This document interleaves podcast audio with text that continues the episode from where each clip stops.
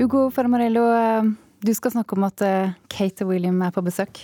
I Kulturnytt så ser vi på hva dette store besøket betyr for Norge. For i går kveld var de på middag på Det kongelige slott.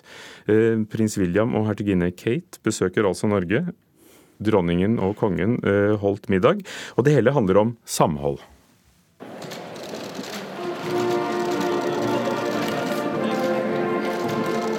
Lyden av blitsregn og gammel jegermarsj. Sånn høres det ut når den norske kongefamilien får storfint besøk. Prins William og hertuginne Kate fra Storbritannia var hedersgjester under middagen på Slottet torsdag kveld. Den britiske prinsen prøvde seg på en liten hilsen på norsk. Vi er veldig glad for å være i Norge. Under middagen satt prins William mellom dronning Sonja og statsminister Erna Solberg. Også filmskaper Iram Haq satt ved samme bord. Andre gjester var forskjellige næringslivstopper, designer Susanne Holsweiler, tidligere fotballspiller John Carew og to av skuespillerne fra TV-serien Skam. Både den britiske prinsens og den norske kongens taler handla om hvor viktig samarbeidet mellom Norge og Storbritannia er. So we are united by family ties. But we are also united by the North Sea. De snakket også om hvordan norsk olje og gass varmer opp de britiske tekannene. About 70% of the UK's gas imports are from Norway. So there are good reasons to think about us when you're putting on a kettle for a cup of tea. Fredag skal de britiske æresgjestene bl.a. møte skuespillerne fra TV-serien Skam. You will be meeting actors from the TV series Scum. They too have raised awareness about mental health problems among young people and may have helped to reduce the stigma that sadly often surrounds these issues. I hope that you will enjoy the rest of your stay in Norway. Tusen takk. Det var prins William som takket til slutt eh, under middagen på Slottet, og rett etter det ble TV-kameraene skrudd av. Reporter var Kristine Sterud. I dag skal eh, Kate og William besøke Hartvig Nissen videregående skole i Oslo, og det er den der TV-serien Skam ble spilt inn. Reporter Milana Knesevic, eh, du skal være der og rapportere live på Snapchat. Hva er det de får se? Um, ja, Temaet i dag på Nissen skal jo være ungdom og psykisk helse. Dette er jo en av hjertesakene til de unge britiske kongelige, til William og Kate og Harry. De tre har jo bl.a. sammen startet organisasjonen Heads Together for å jobbe for mer åpenhet rundt, uh, rundt, psykisk helse. Og Skam har jo også fått mye skryt for nettopp dette. Skape mer åpenhet rundt psykisk helse. Så det er jo dette de, de skal snakke om sammen med uh, Skam-skuespillerne og også elever ved Nissen. Eh, så de skal snakke om det psykisk helse, men også hvordan det er å være ungdom i Norge. Og så skal de faktisk også besøke denne berømte trappa i, eh, på Nissen, hvor mange av de store øyeblikkene i Skam har, har skjedd. Det er jo ganske utrolig at en, eh, en skole i Oslo blir gjenstand for denne oppmerksomheten. En, en trappeoppgang. Milana Knesevic, sånne besøk er jo temmelig planlagte affærer. Hva vet du om hvor mye du og, og pressen og andre får få se og snakke med eventuelt? Ja, De er jo først og fremst eh, her for å møte Skamskuespillerne og, og elevene på Nissen, og kanskje ikke, kanskje ikke, journalistene, forståelig nok. Men eh, vi får jo, som, som, du sier, jeg skal jo rapportere på, på Instagram og på Snapchat. Eh, og så Vi får jo se når de kommer og når de drar. Og så skal de jo inn i et klasserom og snakke med elevene og skuespillerne. Der skal det være kameraer. Noen få kameraer, så publikum hjemme får se det hvis de, hvis de vil. Men vi skal jo også på, på sosiale medier i dag dekke, dekke dette besøket med fokus da på ungdom og, og, psykisk helse. Og dette om at Kate og William snakker om dette, og hvor viktig det eventuelt er, da. Og hva får vi se? Dere får forhåpentligvis se både Will og Kate, kanskje noen skamskuespillere og helsesista.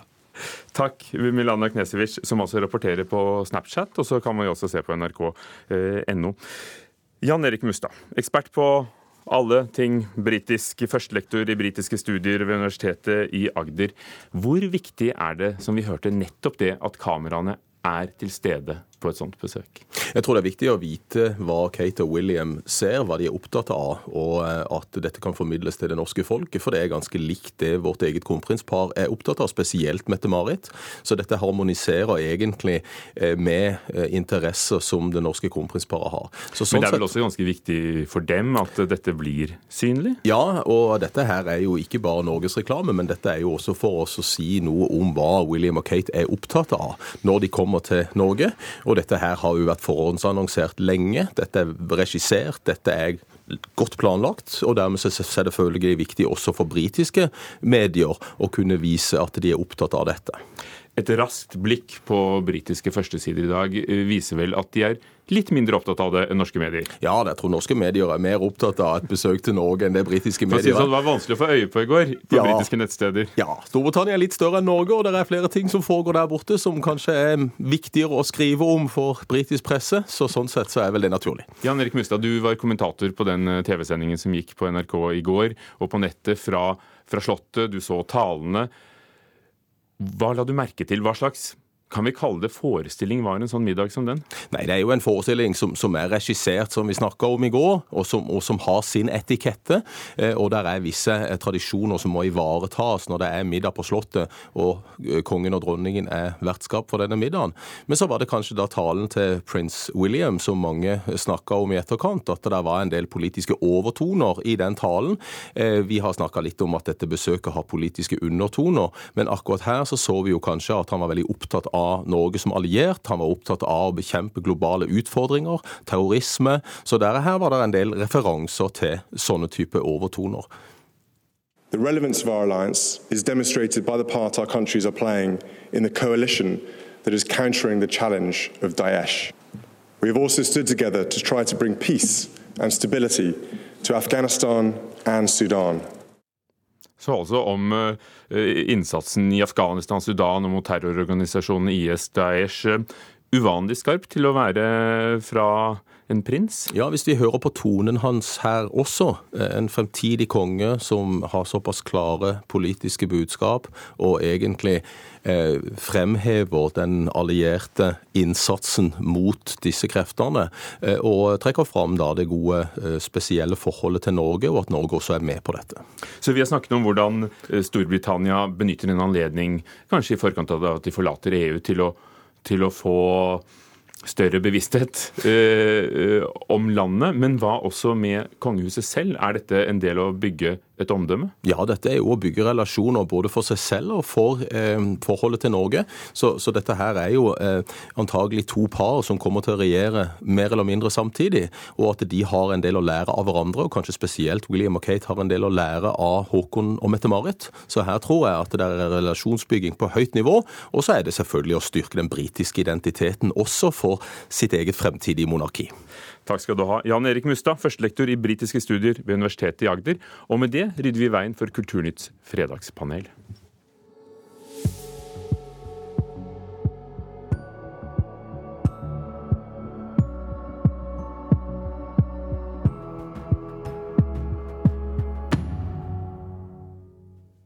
Som ved et trylleslag er Fredagspanelet samlet i Kulturnytt i Nyhetsmorgen i NRK.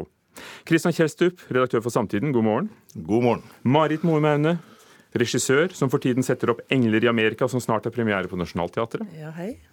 Og Guri Itse forfatter og skribent. Takk, hei. Første spørsmål. Da plukker vi opp tråden der vi slapp, med prins William. For the United Kingdom, our relationship with Norway is extensive and very special. We are North Sea neighbours, we are allies, and we are close partners in all sorts of enterprises. But above all, we are the strongest of friends.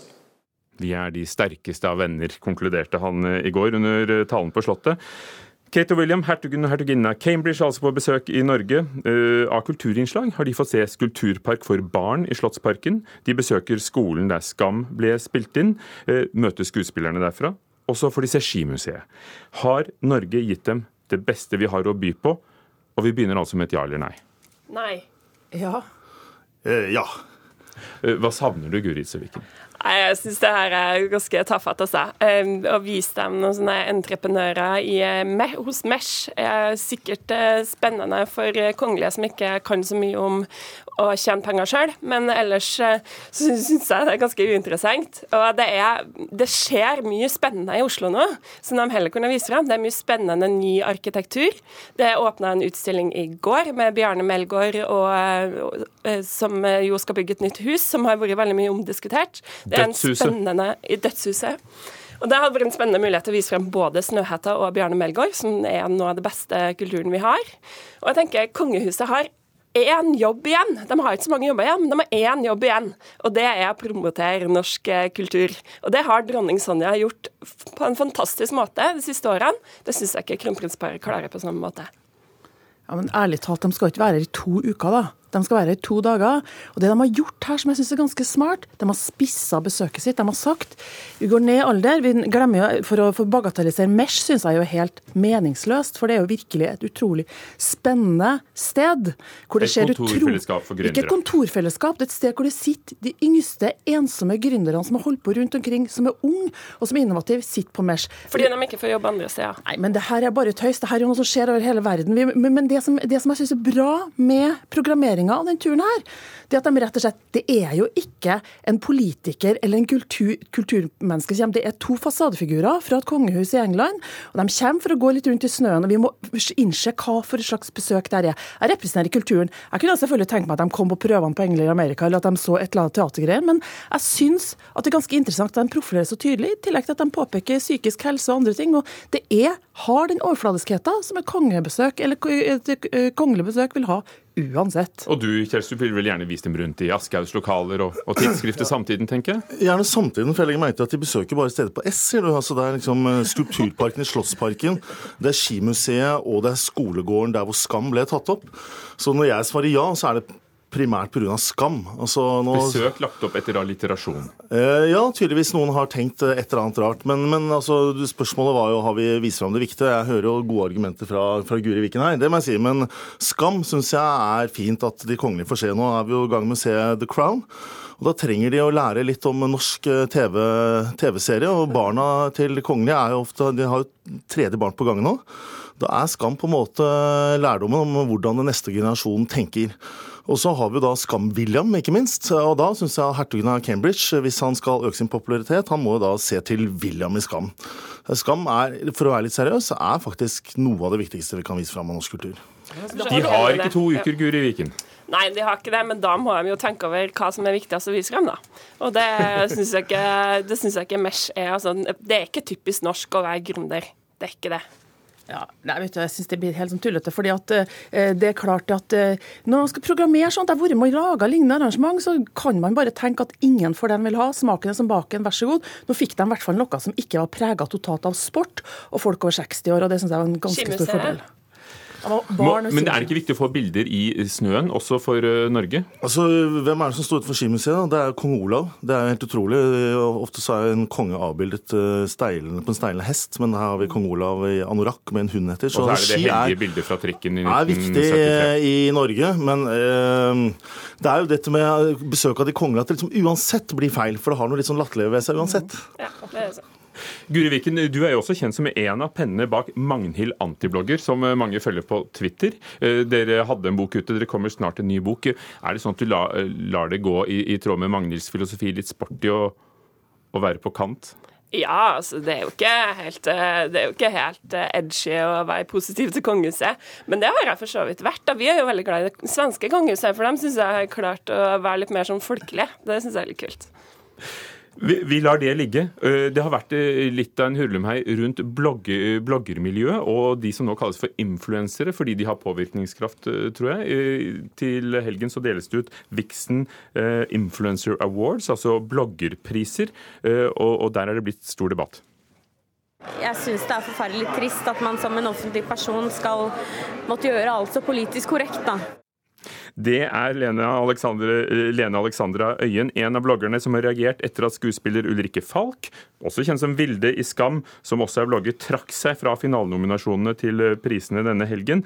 Hun mener at det er altfor mange tomme stemmer som løftes frem. Mange av bloggforbildene tar ikke ansvar, men fremhever usunt fokus på utseende, halvt gjennomtenkte budskap om psykisk helse og plastisk kirurgi. Og det er bare fornavnet på det hun nevner. Gjør hun rett i å trekke seg fra hele greia? Ja. Ja. Ja. Er det så tåpelig? Du har jo blogget selv, som Magnhild altså. Ja, men jeg syns Vixen Blog Awards er en veldig uinteressant pris. Det er noen middelaldrende menn som deler ut priser til de unge jentene som de syns er flinkest til å promotere gratis sminke og klær. Det syns ikke jeg er så veldig interessant. Så når da Vilde bruker den prisen Eller Vilde, hun heter ikke det? Jo. Eh, eh, Hun heter Ulrikke Falk. Hun spiller Vilde. Når. Ulrikke bruker den prisen til å få fram et viktig poeng og få opp en diskusjon rundt den prisen, så er det det beste som kan skje både hun og prisen. Sofie Elise, Elise Isaksen sier at hun føler at hun, ikke, at hun blir fratatt retten til å, til å mene.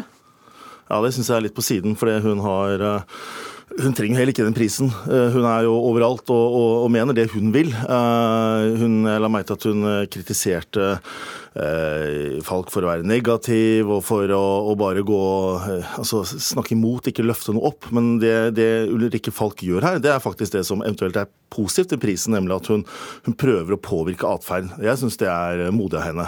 Ja, det er litt eh, politisk korrekt, men eh, hvis du ser på den listen av nominerte og de kategoriene, så er det en veldig underlig miks. Eh, De har årets influenser, bare det ordet er jo Det er jo ikke noe bra ord. Eh, Det må vi slå fast. Eh, Og så det, er det årets beauty, eh, og så er det årets mat og helse. Og så har de litt sånn gullpenn og liksom noen kategorier som skal gi dem litt mer tyngde. Og det er det som er veldig problematisk med hele den blogosfæren, som er en eh, salig miks av velmente råd og tips i hverdagen fra folk som ikke nødvendigvis har en redaktørinstans, men som for så vidt kan mene gode ting. Og forskjellig reklame, ikke sant. Sa redaktøren. Hva sier du, regissør? Nei, jeg syns jo bakhistorien til Ulrikke er interessant når hun forteller at eh, fotballfrue sine innlegg om forskjellige forhold til spissing gjorde at hun ble alvorlig dødssyk. Og det er klart at den historien er så sterk, og den må fortelles. Og så tenker jeg eh, det er så interessant det du sier, for at du kjenner, eh, du som selv er blogger, kjenner jo det litt mer bak det her. Men det aner meg jo at det her ser ut som en slags misjury, altså altså eldre middelaldrende menn som plukker ut på sånne kriterier. Og det er klart at hvem skal si fra om ikke dem som er aktuelle for en sånn pris? Og så mener jeg at Sofie Elise har vært dritkul i perioder, men hun har fått et kjempesvært rom. Så hvis hun begynner å sutre nå, så må hun kanskje sette fokus på noen andre. Apropos disse middelaldrende mennene, siden jeg er en sånn selv, så for å være litt, litt, litt slem mot dem, så så jeg at han eh, jurylederen, som jeg ikke husker hva heter, eh, uttalte han syntes det var veldig synd at eh, Ulrikke Falk hadde trukket seg, fordi han hadde gledet seg til å takke henne for det alt det positive hun har gjort. Og Da kan man jo stille spørsmål om hvem er det som har interesse av at den prisen blir delt ut. Men eh, det, den eh, globale alliansen for sivilsamfunn, Civicus, viser, gjør målinger som viser hver dag at rommet for sivilsamfunnet går ned. Rommet for å ytre seg går ned. Det blir dårligere og dårligere på verdensbasis. Sofie Elise er ikke en av de som rammes av det. Og vi må slutte å snakke om ytringsfrihet som en greie som, som handler om at man ikke skal få kritikk. Det er Eh, tvert imot, de som får kritikk, og som likevel ytrer seg, de som har upopulære meninger, som likevel kommer til orde, det er det ytringsfrihet handler om. Det- det og hvis eh, Sofie Elise vil bli tatt på alvor, så må hun ta det inn over seg. Det finnes en mengde blogger om litteratur og teater og kunstkritikk. Det er og, De det og, og de ikke trekkes ikke frem. Det er, det er det som er, da kunne jo prisen blitt, eh, blitt virkelig god sammensatt, hvis mm. Viken eller eh, andre var nominert, ikke sant? Eh, Jeg tenker stemme, makt, og vi som har en stemme, vi må ikke sutre over at vi har fått den, hvis den også blir kritisert. Denne uken, dvs. Si sist lørdag, døde Ikea-grunnlegger Ingvar Kamprad. Du kan säkert räkna upp många hundra människor i Sverige som är mycket rikare än jag är personligen. Men jag klagar inte, jag har mer än vad jag behöver. Mange som er rikere enn meg, sier Ingvar Kamprad.